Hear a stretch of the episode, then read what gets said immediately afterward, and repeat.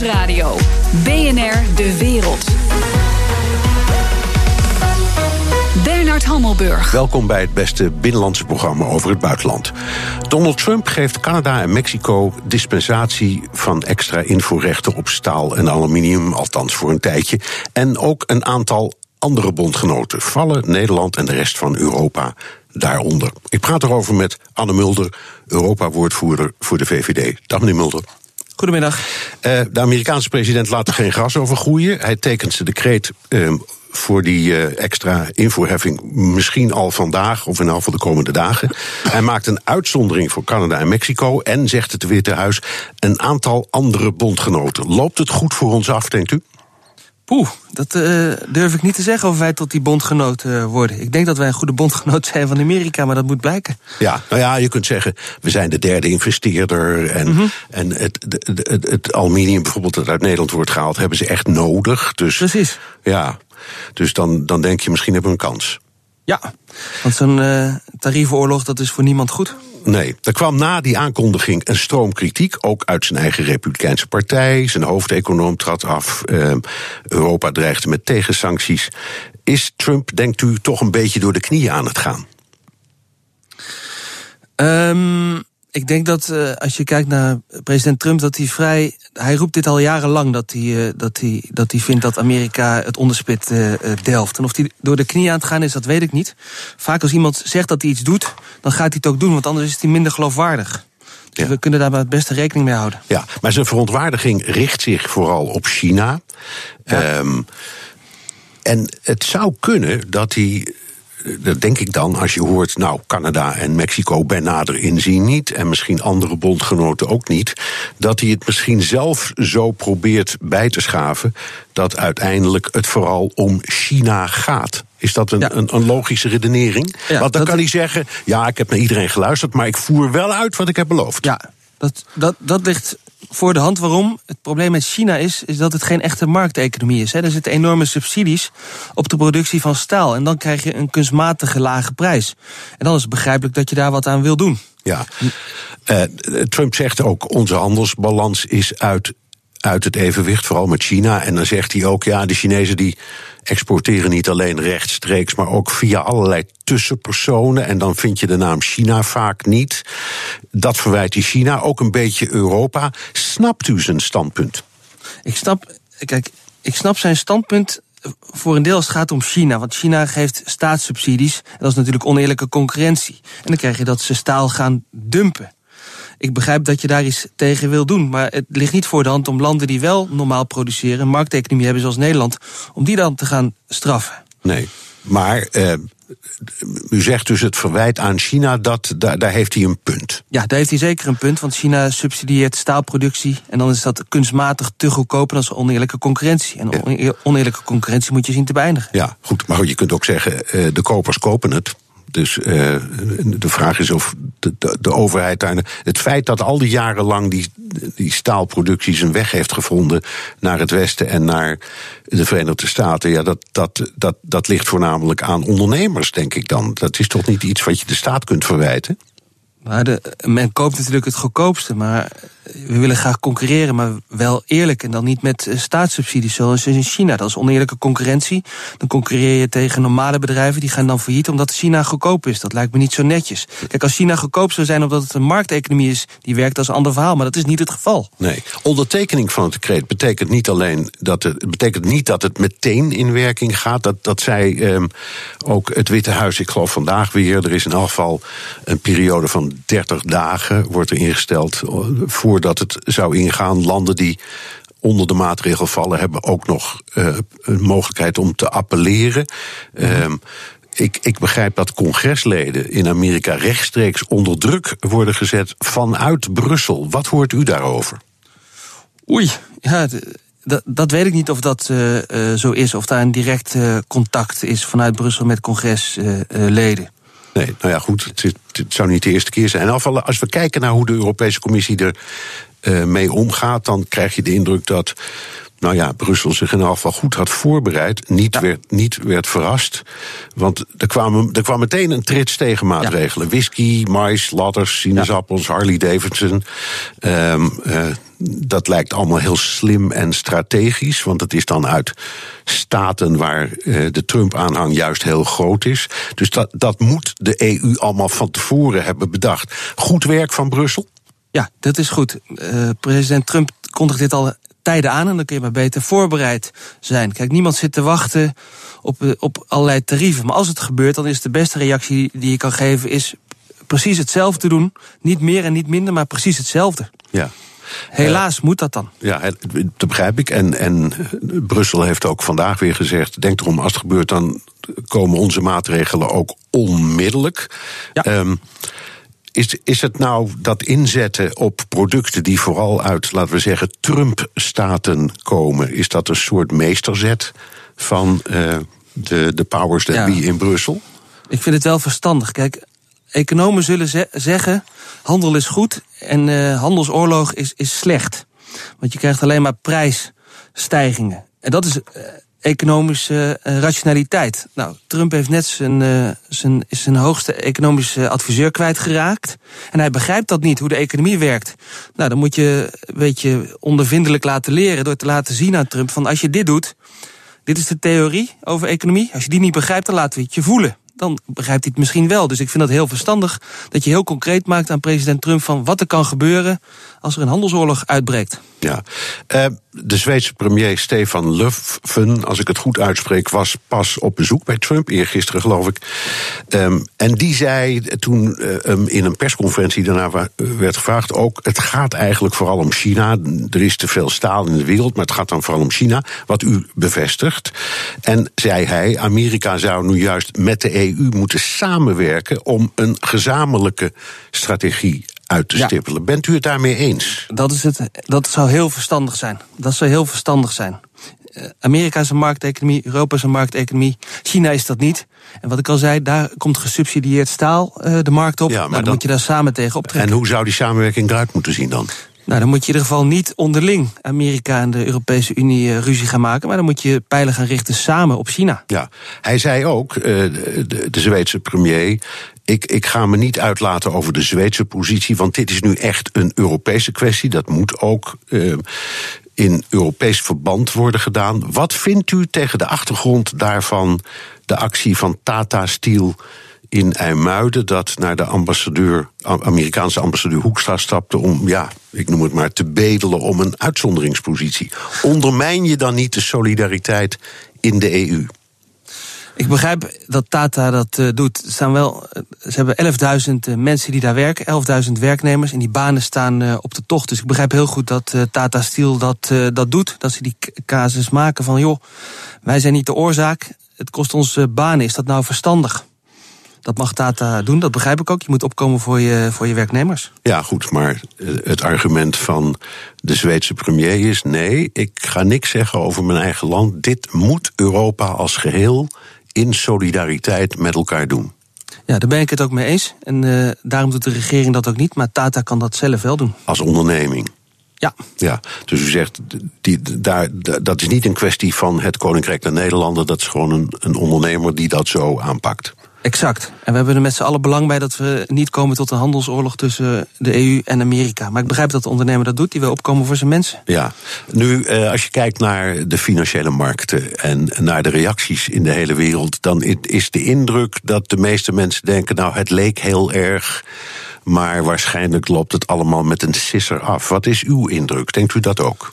Kijk, rationeel gezien als mensen logisch blijven nadenken, dan weet je dat tarieven geen zin, uh, geen zin hebben. Maar als je eh, president Trump ziet en je ziet dat zijn economisch adviseur is opgestapt. En dan heeft hij minder deskundigen om zich heen. Eh, meer mensen die ja knikken naar hem. Ja, dan maak ik me daar wel zorgen over. Over de rationaliteit bij de president van Amerika. Ja, maar en dat kan dan gevolgen hebben. Dat is natuurlijk ook, maar het is ook altijd zo dat hij praat voornamelijk tegen zijn eigen achterban. Uh, in de metaalsector zijn dat kiezers uit staten zoals Pennsylvania. Uh, als hij nu die truc zo omdraait dat hij zegt: ja, het gaat eigenlijk alleen tegen China en daar gaan we tegen optreden, dan heeft hij aan alle kanten gewonnen onder zijn eigen kiezers. Misschien ook wel in de ogen van Brussel, uh, misschien ook wel in de ogen van de wereld. Ja, dan, dan zou het ook. Is dat wat, wat de financiële markten waarschijnlijk vermoeden dat het die kant uit gaat? Ja, het ligt voor de hand als, als je kijkt naar handel. Wat ik al zei, dat je naar China kijkt met al die subsidies. Ja, en dan hoeft het niet uh, Europa tegen de Verenigde Staten te zijn. Want als, als, als Amerika met tarieven komt, gaat Europa hetzelfde doen. Dan wordt, uh, krijg je misschien wat meer staalproductie in Amerika. Maar de prijs van staal gaat omhoog. Dat betekent ook dat de prijs in Amerika omhoog gaat. Van alles wat van staal of aluminium, aluminium is. Dus denk aan vliegtuigen. Die worden duurder. Ja, maar dus dan zal in de vliegtuigen. Maar dat is maar 3% zeggen ze van de Amerikaanse ja. aluminiumproductie. Dus dat ja, valt wel. Nou ja, het is wel, vliegtuigen worden duurder. Dus zal in die sector in Amerika zal er minder werkgelegenheid zijn. Dus misschien een heel klein beetje meer in de ene sector, maar fors minder in de ander. Ja. Want dan gaan mensen geen Boeing meer kopen, maar een Airbus. Dus dan schiet je toch in je eigen voet. Ja. Als Amerika. Zo dadelijk. Nederland werpt zich op als de strijder tegen de toenemende macht van Brussel. Heeft onze politieke vriendin Angela Merkel afgedaan? BNR Nieuwsradio. BNR De Wereld. BNR Nieuwsradio. BNR De Wereld. Mijn gast Anne Mulder, Europa-woordvoerder voor de VVD. Eh, meneer Mulder, deze week laat Nederland zich duidelijk horen in Brussel. Het kabinet Rutte verzet zich met hand en tand tegen de plannen van Frankrijk en Duitsland voor verdere Europese integratie. Waarom verzet Nederland zich zo tegen die plannen van die twee landen? Nou, even goed kijken tegen welke plannen precies. Maar wij in Nederland zeggen van Europa moet vooral de grote grensoverschrijdende problemen oplossen. Doen wat nodig is. En die problemen zitten op het gebied van veiligheid, migratie en klimaat. En het verder maken van de interne markt. Daar is nee, dat moet Europa doen. En voor de rest is het de verantwoordelijkheid van lidstaten zelf om hun problemen op te lossen. Ja, maar dat, goed, dat zijn, ik zeg, de oorspronkelijke kernwaarden van uh, de Europese Unie, vooral veiligheid. Daar is die Unie voor opgericht. Mm -hmm. um, en nou zegt het kabinet, daar willen we naartoe terug. Hoe dan precies? Nou, door, door ervoor te zorgen, als je kijkt bijvoorbeeld naar migratie. Er komt een enorme migratiestroom op gang vanuit Afrika. Dat is een probleem wat we niet als Nederland alleen kunnen oplossen. Want we hebben een Europese buitengrens. Nou, dan moeten we ervoor zorgen dat die Europese buitengrens wordt versterkt. En dat kun je niet alleen doen. Dat moet je met alle Europese uh, landen doen. Dus dat is typisch een grensoverschrijdend probleem. Net als terrorisme. Terroristen trekken zich weinig aan van landsgrenzen. Dus dat is ook typisch een probleem wat een land als Nederland niet alleen kan oplossen. Nee, maar daar staan Frankrijk en Duitsland toch aan dezelfde kant. Dus er is toch ja. geen, geen. Nee, dus dat is ook uh, goed. Dat wordt ook gezegd door die landen van we moeten dit soort uh, problemen uh, aanpakken. Het begint pas anders te worden als de landen zeggen we moeten per se de Europese begroting verhogen. Dan zeggen we als Nederland van, is dat nou nodig? Voordat je, als je naar een begroting kijkt, moet je eerst kijken, wat ga je dan doen? Ik noem ze al, veiligheid, klimaat, uh, migratie. En dan moet je ook kijken in een begroting waar er dan wat vanaf kan. Wat zijn bijvoorbeeld uh, posten die vooral historisch zijn ontstaan... waar je nu wat van af kan halen. Zoals dus bijvoorbeeld uh, landbouwsubsidies, ik noem maar eens wat. Ja, dat is begonnen in de jaren 80 als inkomenscompensatie. Nou, de vraag is, is inkomenscompensatie voor boeren... is dat nou een grensoverschrijdende taak? VVD denkt van niet. Nou, dan moet je daar het geld weghalen... en dan de grote problemen oplossen waar mensen last van hebben... en dan moet je daar het geld naartoe sturen... zonder de begroting te verhogen. Ja, maar het valt toch een beetje op, uh, laten we zeggen, de ontwikkeling van de laatste dagen en de formulering over de Europese Unie. Nederland was altijd ja, bijna een vazal van Duitsland in heel veel opzichten. Onze handel met Duitsland is groter dan die met de Britten en de Fransen samen. De, waarom komt er dan zo'n geluid dat we ons eigenlijk tegen die twee hele belangrijke landen afzetten? Dat heeft uh, ermee te maken door de brexit. Wij zaten voor de brexit relatief geopolitiek gunstig in de driehoek Verenigd Koninkrijk, Duitsland, Frankrijk. Dat hield elkaar in evenwicht. De Britten wilden ook niet te veel betalen in Europa, wilden interne markt.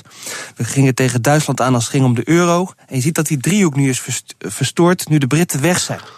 En dan moeten we een paar dingen gaan doen. Kijken hoe we met Frankrijk en Duitsland uh, wel zaken kunnen doen.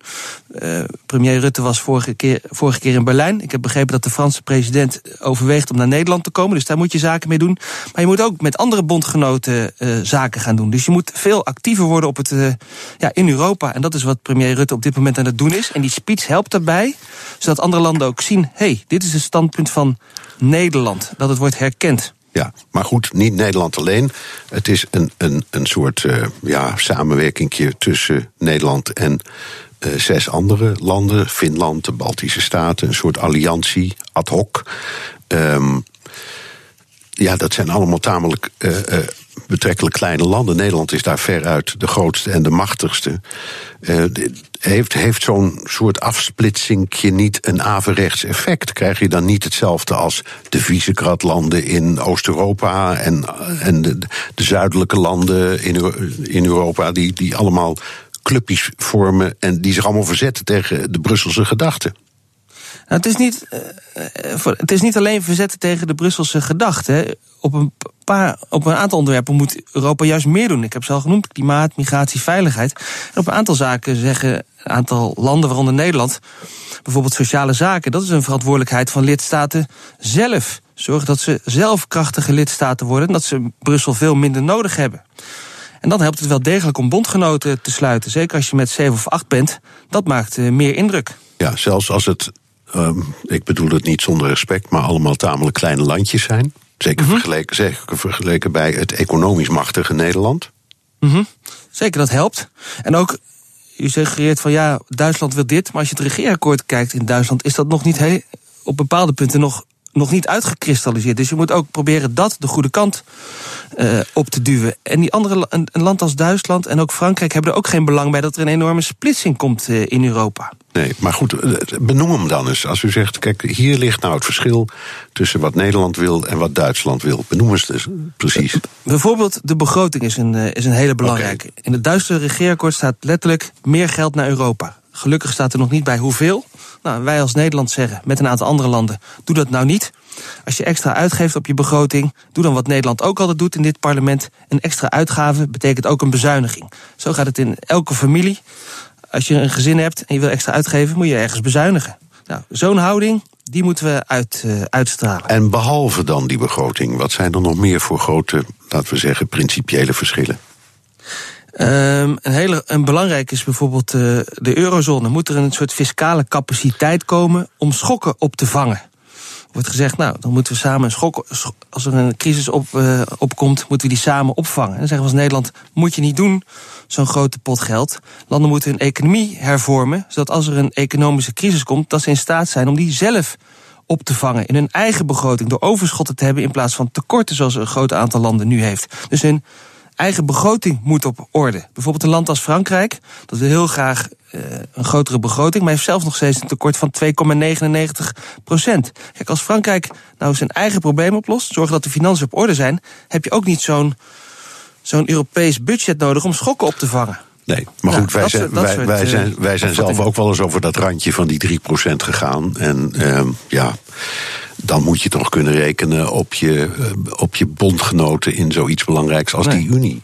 Nee, dan moet je zelf je eigen huis op orde maken. Dat heeft het kabinet ook gedaan. We, hebben nu, uh, we gaan langzaam naar een begrotingsoverschot. Uh, dus dat moet er gebeuren. Landen moeten zelf sterker worden.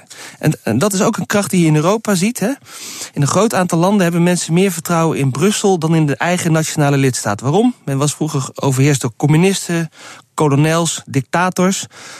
Dus men wantrouwt de eigen overheid een beetje en gaat dan kijken van Brussel lost mijn probleem op. Terwijl wij in Nederland juist andersom zijn. We hebben meer vertrouwen in onze eigen institutie dan in Brussel. Nou, ga die landen dan helpen door ze te versterken. Door hun eigen instituties sterker te maken. Dan hebben ze ook veel minder hulp van Brussel nodig. En dat is het grote uh, verschil. Nou zijn er andere landen in Oost-Europa bijvoorbeeld... die eigenlijk uh, voor hetzelfde vechten. Oostenrijk, Polen. Die, die voelen zich zeer pro-Europees. Maar hebben ook vergelijkbare scrupules.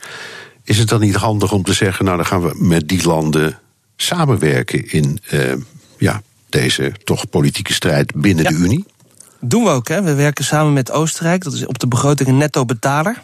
Ook Polen, hoewel wat daar met de rechtsstaat gebeurt niet ons, uh, onze voorkeur heeft, is Polen samen met Hongarije, Tsjechië en Slowakije. Dat zijn landen die sterke nationale parlementen willen. Nou, dan heb je op dat onderwerp daar een bondgenoot. Dus niet op alle onderwerpen, maar per onderwerp moet je bondgenoten uh, zoeken. Ja, Daarom is het ook goed dat Mark Rutte Europa doortrekt op zoek daarna. En ook minister Hoekstra doet dat. Oké, maar dat zijn ook landen die zeggen... eigenlijk zien wij in die Europese Commissie en dat Europese parlement... niet veel waar het, waar het om gaat, is eigenlijk alleen maar de Europese Raad. Dus uh, de regeringsleiders... Uh, van uh, de, de lidstaten. Vinden wij dat eigenlijk ook dan? Nou uh, er, waren bijvoorbeeld, er is bijvoorbeeld het voorstel om te komen, dat voorstel is nu gelukkig weg, tot zogeheten transnationale lijst in het Europees parlement. Hè, dat een Ier kan stemmen op een Fransman, een Fransman op een Belg en een Nederlander op een Duitser bijvoorbeeld. Zijn wij, waren wij tegen? En je ziet dat die landen daar ook tegen zijn. Dan heb je op dat aspect bondgenoten. En zo moet je steeds zoeken naar bondgenoten en taai onderhandelen. En wij zijn ook uh, pro-Europees hoor. Dat, uh, dat blijkt, want we moeten migratie aanpakken klimaat, veiligheid. En dat doe je op Europees niveau. Dus wat dat betreft zijn we zeer pro-Europees. Ja, maar toch, toch, en dan misschien tenslotte, als ik nou de toon vergelijk van hoe uw partij en ook andere partijen in het verleden spraken over Europa en de ideologie achter Europa. En je ziet hoe er nu over wordt gesproken, dan, dan denk ik, ja, het is toch dat die, die euroskepsis is toch een beetje praten in de richting van Thierry Baudet en andere eurosceptici. Speelt dat niet ook een rol, het, het inpalmen van dat soort, ik zal maar zeggen, verstorende krachten? Nee, wat, wat een rol speelt is dat we moeten doen wat nodig is. Europa moet uh, de grote grensoverschrijdende problemen uh, oplossen. Daar gaat het ons om. Waar mensen last van hebben. Daar moet Europa gewoon doen. Jawel, maar. En dat heeft met euroskepsis helemaal niks te maken. Nou, het, het lijkt... is gewoon goed kijken op welk niveau los je een probleem op. Dit is grensoverschrijdend. Nou, doen wat nodig is. En dat moet Europa doen. Ja, maar dat, dat, dat is toch echt een ander geluid dan uw eigen partij nog maar een paar jaar geleden debiteerde. Dat is echt een ander geluid. Is, is dat zo? Ja, dat is echt zo, ja. Ik weet, nou ja, eh, dat, dat zie ik uh, niet zo. Wat ik wel zie, is dat door Brexit. Uh, dat wij nu erop af moeten. Wij kunnen niet in die driehoek gaan zitten die ik schetste, maar wij moeten zelf meedoen. En dat doe je met een positieve agenda. Goed. Hartelijk dank. Anne Mulder, Europa-woordvoerder voor de VVD. BNR Nieuwsradio. BNR De Wereld. Bernard Hammelburg. In een race tegen de klok probeert de Europese Commissie productie van batterijen voor elektrische auto's aan te jagen in Europa. Er dreigt namelijk een Kodak-moment. De Europese auto-industrie zou blijvend op achterstand gezet kunnen worden door China en Amerika. Europa-verslaggever Laurens Groeneveld, wat is er precies aan de hand? Je moet je bedenken dat de Amerikanen en de Chinezen nu enorme stappen zetten.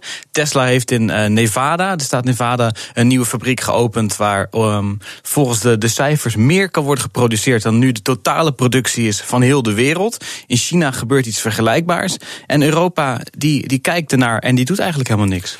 Zijn alle elektrische auto's die wij in Europa bouwen ook afhankelijk van die batterijen uit Azië? Voor een heel belangrijk deel dus wel. Als je kijkt naar de productie van Europa, van die batterijen, zit je op minder dan 10%. En uh, je ziet nu dus, dat is deze week aangekondigd, dat het Chinese uh, uh, Contemporary Amperex technology komt naar Europa. En zij zeggen, wij zien in Europa enorme kansen. En dit is de tweede keer dat er een enorme fabriek uh, van een Aziatisch bedrijf naar Europa komt. De eerste keer was LG Chemicals. En die gaan dan in Polen zitten. En um, je ziet dat de grootste bedrijven nu dus in die batterijensector... dat zijn Panasonic, Samsung en geen enkel Europees bedrijf. Nee. Uh, Europese Commissie heeft een plan. Wat gaan ze doen? Ze zeggen er moet een soort Airbus-achtige alliantie gevormd worden. Ik weet niet of je nog weet hoe Airbus is ontstaan.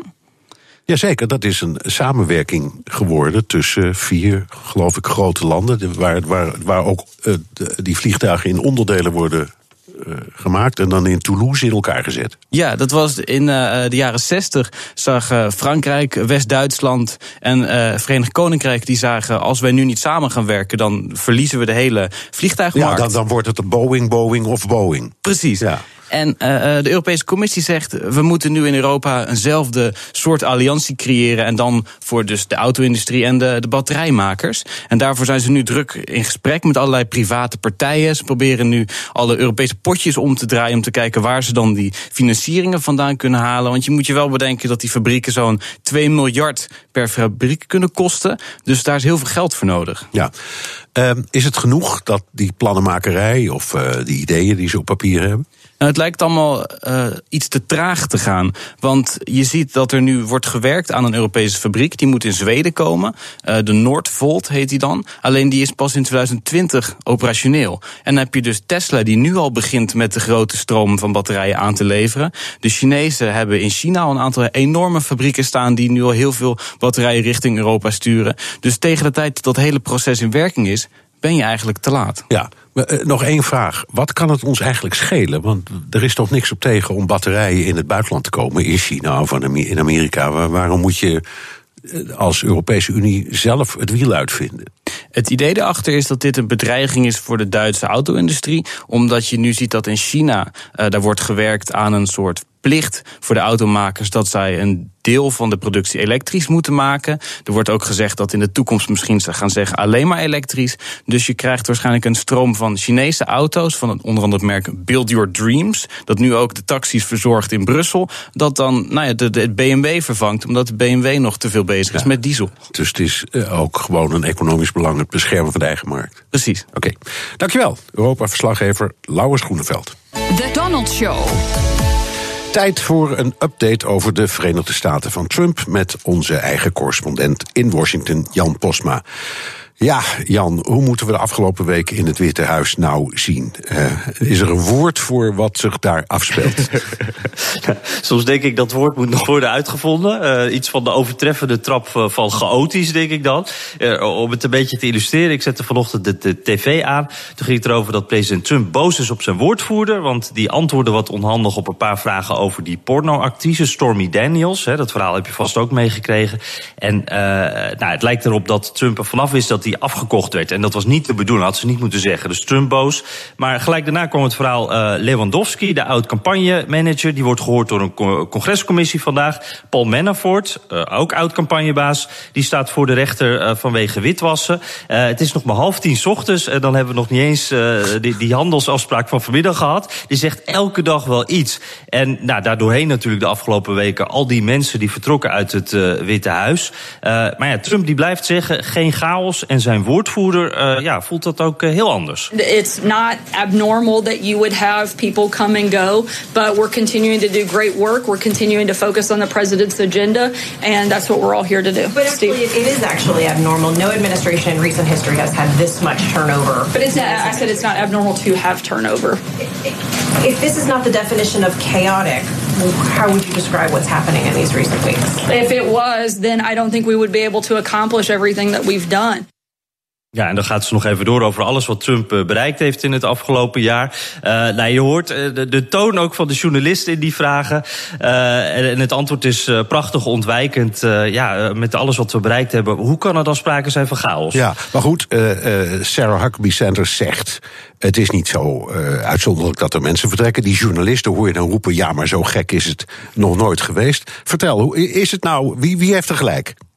Ja, nou, er waren twee kranten die daarover schreven uh, deze week. En ik vond ze allebei weer interessant. New York Times die heeft het even uh, qua statistieken bekeken. 43% van de stafleden is ontslagen of opgestapt. Nou, dat is toch wel aanzienlijk. En ook inderdaad meer dan eerdere uh, presidenten in die eerste 13 maanden. Washington Post die schrijft van de 23 mensen die meteen na Trumps inauguratie werden ingezworen, zijn er nu nog 9 over. Dus die harde kern, dat is ook ja, minder dan de helft wat er nog over is. En de Washington Post die concludeerde toen in hun artikel van, nou ja, we maakten deze lijst eh, net nadat Hope Hicks was opgestapt. Toen schreven eronder, deze lijst wordt geüpdate indien nodig. Hopelijk is dat niet eerder dan volgende week. Ja, dat schreven we dus inderdaad vorige week. Dus ja, uh, ja het moet steeds geüpdate worden. Ja. Op wie kan Trump nou nog wel rekenen op dit moment? Nou ja, van zijn echte vertrouwelingen, daar hebben we het ook al veel over gehad. Hè. Er zijn eigenlijk alleen nog Jared Kushner en zijn dochter Ivanka over. Uh, stafchef John Kelly zou daartoe kunnen rekenen. Een beetje een haat-liefde verhouding. Maar je ziet echt wel dat Trump steeds meer geïsoleerd raakt. En, en wat je ook bijvoorbeeld nu met die importheffingen ziet. Trump luistert naar bijna niemand. Wel kleine dingetjes wil hij aannemen, maar in grote lijnen doet hij gewoon wat hij zelf wil. Hij is op dit moment echt zijn eigen belangrijkste adviseur. En, en dan grijpt hij terug op zijn eigen instincten. Dat doet hij in tijden van, nou ja, je zou kunnen zeggen crisis of, of als er veel tegenslagen zijn. Um, en je ziet ook dat in de laag daaronder uh, er ook niet zoveel steun voor Trump is. In de zin van dat er veel ervaring ook alweer is weggelopen in dat eerste jaar. Het was natuurlijk al een Witte Huis met veel outsiders. Maar nu dreigt er ook een soort brain drain te ontstaan. Dat weinig ervaring die er is, ja, die, die loopt ook de deur uit. En dan heb je ook nog die security clearance, waar Jared Kushner al mee te maken had. Uh, dat geldt ook voor veel medewerkers in het Witte Huis. Dat ze niet meer de hoogste security clearance krijgen. Ja, dan blijft er niet zoveel ondersteuning meer over. Nee, dus de afdeling personeelszaken draait overuren op het ogenblik. Ja, en uh, dat is een van de taken van John Kelly, die stafchef. En er is al geschreven, die heeft helemaal geen tijd om terug, uh, om, om eigenlijk te zoeken naar opvolgers. Daar komt hij helemaal aan, niet aan toe. Er zijn ook helemaal geen duidelijke lijstjes voor verschillende functies. Bijvoorbeeld de opvolger van Gary Cohn, die man die deze week opstapte, die economische adviseur. Ja, iedereen kan dat worden eigenlijk in principe, want niemand heeft een idee wie dat dan moet gaan doen. Maar Trump die denkt dat het allemaal wel goed komt. Believe me, everybody wants to work in the White House. They all want a piece of that Oval Office. They want a piece of the West Wing. Ja, dit was vlak voordat Gary Cohn opstapte, dus uh, dan weet je dat ook. En uh, het lijkt inmiddels wel uh, lastig hoor, voor Kelly om die, de, de juiste mensen binnen te halen. Trump zegt we kunnen kiezen, maar op dit moment is er ook wel zeker een afbraakrisico om in dit Witte Huis aan de slag te gaan. Ja, ik weet overigens iemand die net in Washington is komen wonen. Is het niet iets voor jou? ja. Leuk idee. Ik heb wel gehoord dat het goed betaalt. Dus op dat punt uh, misschien even met George onderhandelen. Ja. Vertrek van Gary Cohn, daar hadden we het over. De belangrijkste economische adviseur. Die is opgestapt uit woede over uh, die dreigende handelsoorlog en die maatregelen die Trump uh, wil nemen. Gaat dat Trump geld kosten? Nou, inderdaad. Uh, het zit namelijk zo. Uh, je hebt in Washington het Trump International Hotel. Uh, nog een vrij nieuw hotel waar heel vaak prominenten uit de Trump-entourage logeren. En hij was daar wel een hele goede klant, die Cohn. Hij woonde daar namelijk een jaar lang. En hij betaalde daar ook gewoon het uh, normale tarief voor. En ze hebben het even uitgerekend. De goedkoopste kamer is zo'n 2000 dollar per week. Dus dat zou een ton per jaar zijn. Maar ja, die Gary die gaat voor meer natuurlijk. De duurdere Executive Suite, 390.000 dollar per jaar. En dan hebben we het over dat Witte Huissalaris. Hij krijgt maar iets van uh, 30.000 dollar in dat Witte Huis. Dat zou tien keer zijn salaris zijn. Maar Jij weet ook, die man die werkte bij Goldman Sachs. En toen hij daar wegging, kreeg hij 285 miljoen dollar mee. Dus hij kan het wel hebben. Ja, dus hij diende zijn land in letterlijk en figuurlijk. Dankjewel, correspondent Jan Postma vanuit Washington. En zo dadelijk. Poetin, Trump en Xi slaan zich op de borst over hun enorme militaire slagkracht. Wie heeft echt de grootste? BNR Nieuwsradio. BNR De Wereld. Rusland praat over onzichtbare superraketten. China investeert miljarden in het leger. En de Amerikanen kondigden eerder al aan een historische grote investering in de krijgsmacht te gaan doen. Zijn we beland in een nieuwe wapenwetloop? Ik praat erover met Peter Weininga, defensie-expert bij het Haag Centrum voor Strategische Studies. Welkom. Goedemiddag. Um, hoeveel van dit alles is werkelijkheid en hoeveel is retoriek? Um, dat is moeilijk uh, in te schatten. Een, een deel is zonder meer retoriek. Uh, bedoel op een bepaald effect te creëren, zowel in het binnenland als in het buitenland.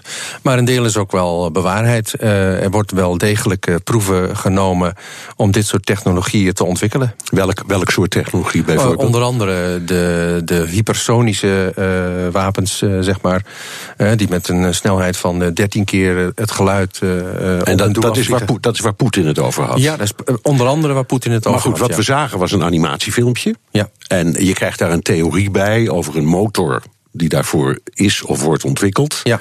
En dan denk ik twee dingen. Volgens mij is dat niet nieuw. Die technologie, daar was al kennis over. Ja. En het is er helemaal nog niet. Misschien is het wel bluff.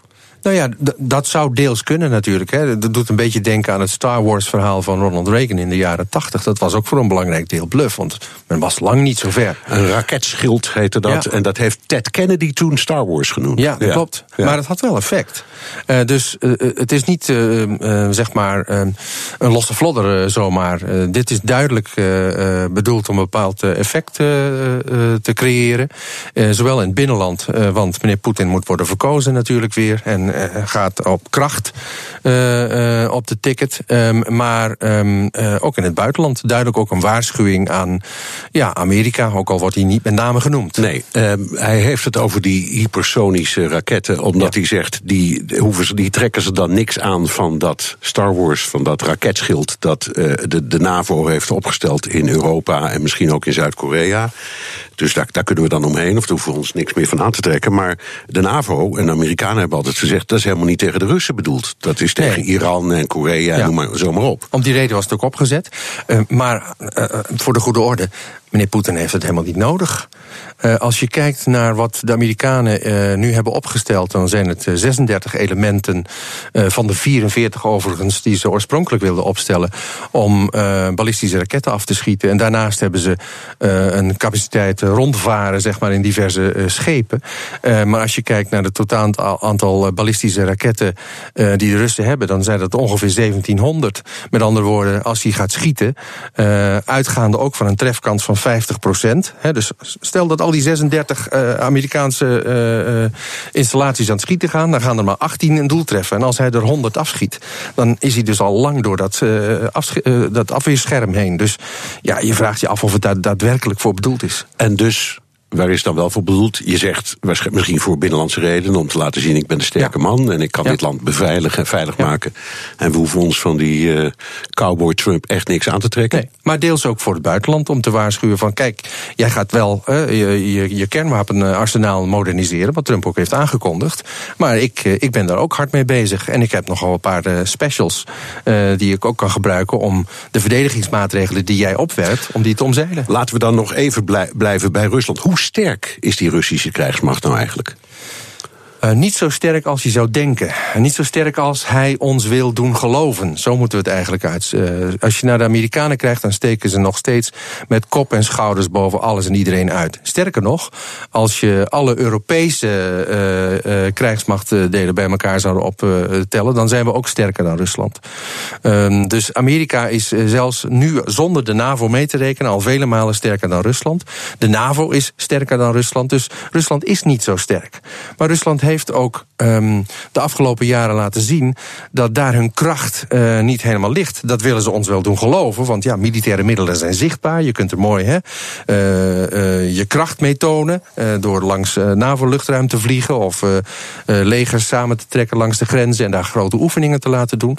Maar het, eigenlijk dient dat meer ter onderstreping, ter ondersteuning van een heel andere strategie die je bij ons loslaat. En dat is gewoon verdeel en heers. Ja, um, niettemin, als je kijkt naar wat Rusland in de praktijk doet met zijn krijgsmacht, bijvoorbeeld in uh, het Midden-Oosten, in Syrië, dan kun je zeggen, ze zijn dan met die mindere middelen toch veel effectiever dan de, de Amerikanen en de NAVO bij elkaar.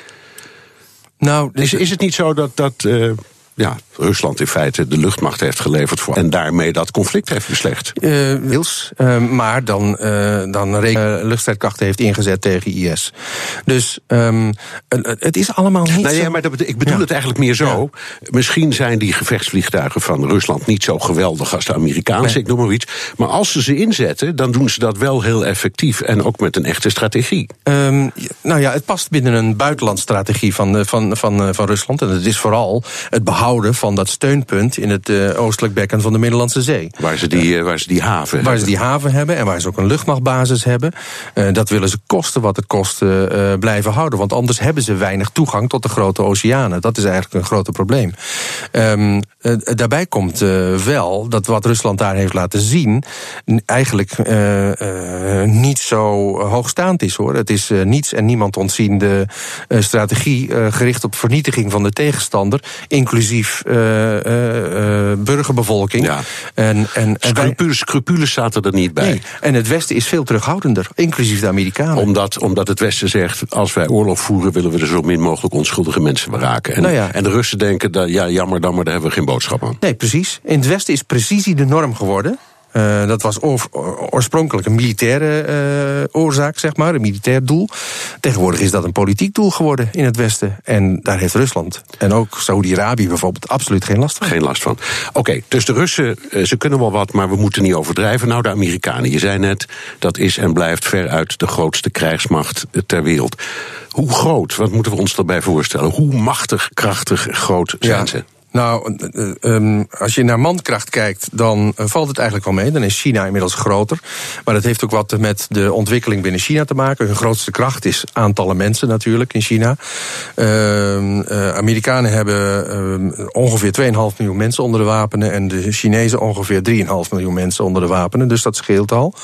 Maar daar kun je ook mee winnen. Want ik denk nu aan het Koreaanse conflict in de jaren 50. klopt. Dat hebben de Chinezen duidelijk helpen winnen. Gewoon door het aantal soldaten dat ze door een hele tsunami van mensen Ja, over dat slagveld vaak, vaak zonder wapens. Die Ja, hebben ze gewoon. Ja.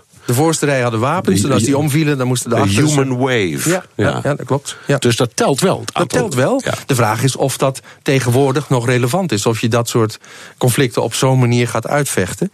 Ehm, dat zie je ook in China wel gebeuren door andere ontwikkelingen. Er wordt met name op dit moment in China geïnvesteerd in eh, luchtmacht en marine. Waarom? Omdat je daarmee strategisch zeg maar een, een, ja, een, een, een, eh, een, stempel kunt drukken op je omgeving. Eh, en dat is China ook duidelijk van plan. Eh, Even, direct, komen direct op China. Eerst even nog Amerika afmaken. No pun intended. Ehm, eh, dat heeft een hele grote krijgsmacht. Ja. Niet zoveel soldaten als de Chinezen. Maar technisch is het volgens mij Ja. nog altijd een voorloper en een Nou, voortrekker. de vliegtuigen. Amerikaan heeft een, een hele sterke luchtmacht, bijna 20.000 vliegtuigen. En uh, kijken naar China, dan is dat ongeveer een kleine 4000. Dus dat is al een enorm En de verschil. Russen? Uh, de Russen hebben uh, ruim 5000 vliegtuigen. Ja. Dus Amerika, ja, weet je, het, het zijn bijna geen vergelijkbare grootheden. Het is zo'n enorm verschil. Ja, en ze zitten ook overal om de wereld. De ze zitten overal ter wereld, ze hebben overal steunpunten, omdat ze al heel lang geleden ontdekt hebben eigenlijk dat hun belangen wereldwijd zijn. Ja, en als je kijkt, je hebt het over de luchtmacht. Uh, de ster onder de vliegtuigen is een toestel uit 1956, de B-52, die nog altijd vliegt. Dat vind ik dan ook wel iets. Denk, dan moet je toch geniaal zijn als je zoiets kunt ontwerpen. Nou ja, en, en als je dat maar blijft doorontwikkelen. Hè, want het toestel zoals het er nu is, dat lijkt niet meer. Uh, behalve misschien een beetje aan de buitenkant. Uh, ja. op het toestel uit 1956. En dat komt daar daadwerkelijk voor dat kleinzonen op hetzelfde vliegtuig vliegen als hun grootvader. Dat ja, is wel ik, heel... ik ken ze persoonlijk, maar ja. dat is gebeurd met die de grote monster met die acht motoren. Ja. Um, en dan heb je uh, de nieuwste. Uh, de F-35, de Joint. Strike Fighter. Een, een, beetje een omstreden ding. Hele gekke vraag. Is dat eigenlijk tegen de tijd dat die helemaal af is nog nodig? Want dan zijn er zoveel drones en heb je helemaal geen piloot meer nodig. Nee, je ziet een, een verschuiving inderdaad. Uh, dat, dat zul je ook zien in een verschuiving van bemand naar onbemand. Um, um, ik denk um, je nog zeker, zeker kunt stellen dat uh, bemande vliegtuigen nodig zijn. Met name met stealth, met name met het bewapeningspakket... en met name ook nog met een vent aan boord die toch een soort uh, tactisch brein vertegenwoordigt... wat uh, onvoorspelbaarder is dan een computer, laat ik het zo maar zeggen. Uh, juist omdat drones nog niet echt opgewassen zijn uh, te, te, of, om te opereren zeg maar, in, een, in een omgeving waar dreiging is, luchtafweer, andere vliegtuigen, et cetera, et cetera. Dat is nog wel een grote uitdaging ja. voor drones. Oké, okay. nou naar China. Daar hebben we het ja. nou een paar keer over gehad en ik heb je steeds maar onderbroken. Ja. En je zegt dat is eigenlijk het land het meest in opkomst, als ik goed begrijp, in militair opzicht. Hoe groot, hoe gevaarlijk en hoe serieus is het? Nou, het is vooral um, um, serieus, zeg maar, als je kijkt naar uh, wat China aan het doen is in zijn directe omgeving. Uh, de Zuid-Chinese en de, en de Oost-Chinese zee. Waar hele eilandengroepen en, en, en zeegebieden worden geclaimd. volgebouwd inmiddels met militaire basis en materieel. waarbij duidelijk de boodschap is, dit is de grens van China en daar moeten anderen wegblijven.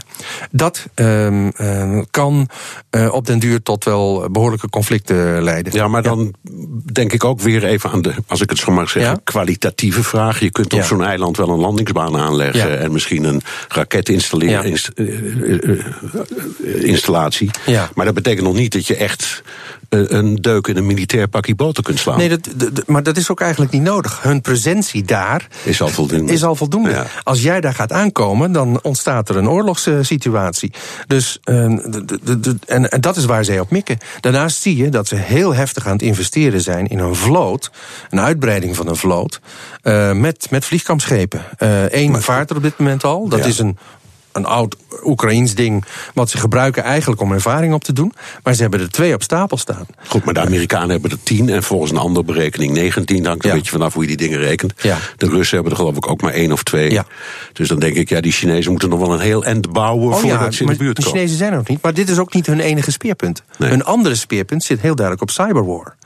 En dat is wat buiten eh, beeld. We weten niet exact hoe groot hun capaciteit is op het gebied van cyberwar. Maar als je kijkt naar hun acties, dan is heel veel. En als je een ander aspect eh, beziet, en is dat zij enorm aan het investeren zijn in cybersecurity opleidingen. Ehm, afgelopen jaar zijn er 30.000 mensen eh, afgestudeerd. Zij willen dat uiteindelijk opschroeven, eh, mind you, naar 700.000 mensen. Dus ze zijn enorm aan het investeren in cybersecurity. Dat zal niet allemaal. Precies, die zullen niet allemaal in dienst van de overheid komen. Maar wat we al eerder hebben gezien, is dat ze het ook hun cyberaanvallen via bedrijven eh, ge- geleerd aan de overheid te In, laten in de doelstelling van de NAVO staat, geloof ik, cyber helemaal of bijna bovenaan. Dat is dus ja. terecht. Ja, dat is terecht. Ja. Ja. dat is absoluut terecht. En dan nog één vraagje. Wij Europeanen, je zei straks, als je alle Europese landen bij elkaar optelt, zijn we samen sterker dan Ja. Rusland. Ehm, maar stelt de Europese krijgsmacht, als ik het zo even mag noemen, al die di- iets voor, behalve dan in aantal en omvang? Ja, eh, eh, eh, die stelt zeker wel iets voor. Zeker bepaalde landen wel. En ik denk dat wij, als je kijkt naar kwaliteit, Nederland daar wel bij hoort. Ehm, maar het is natuurlijk nog steeds veel te versnipperd. Als je kijkt naar de grote economieën ter wereld, dan staat China inmiddels bovenaan. Het is de eerste economie ter wereld. Het is groter dan de VS. En, en het grappige is, die feiten komen notabene van de CIA, die Europa als één economische entiteit zien. Europa is de tweede economie ter wereld. Dus nog groter dan de VS. Dus Europa heeft enorm veel potentieel om zijn defensie goed op orde te krijgen. Alleen doordat het zo versnipperd is, wil het nog niet lukken. En je moet het geld ervoor over hebben. Dat Ja, is hier natuurlijk dat ook is ook eh, een belangrijk punt. Oké, dank. Peter Wijbinga, defensie-expert bij het Haag Centrum voor Strategische Studies. En tot zover BNR De Wereld. U kunt de uitzending terugluisteren via de podcast of bnr.nl. Mijn naam is Bernard Hammelburg. Dank voor het luisteren. Tot volgende week.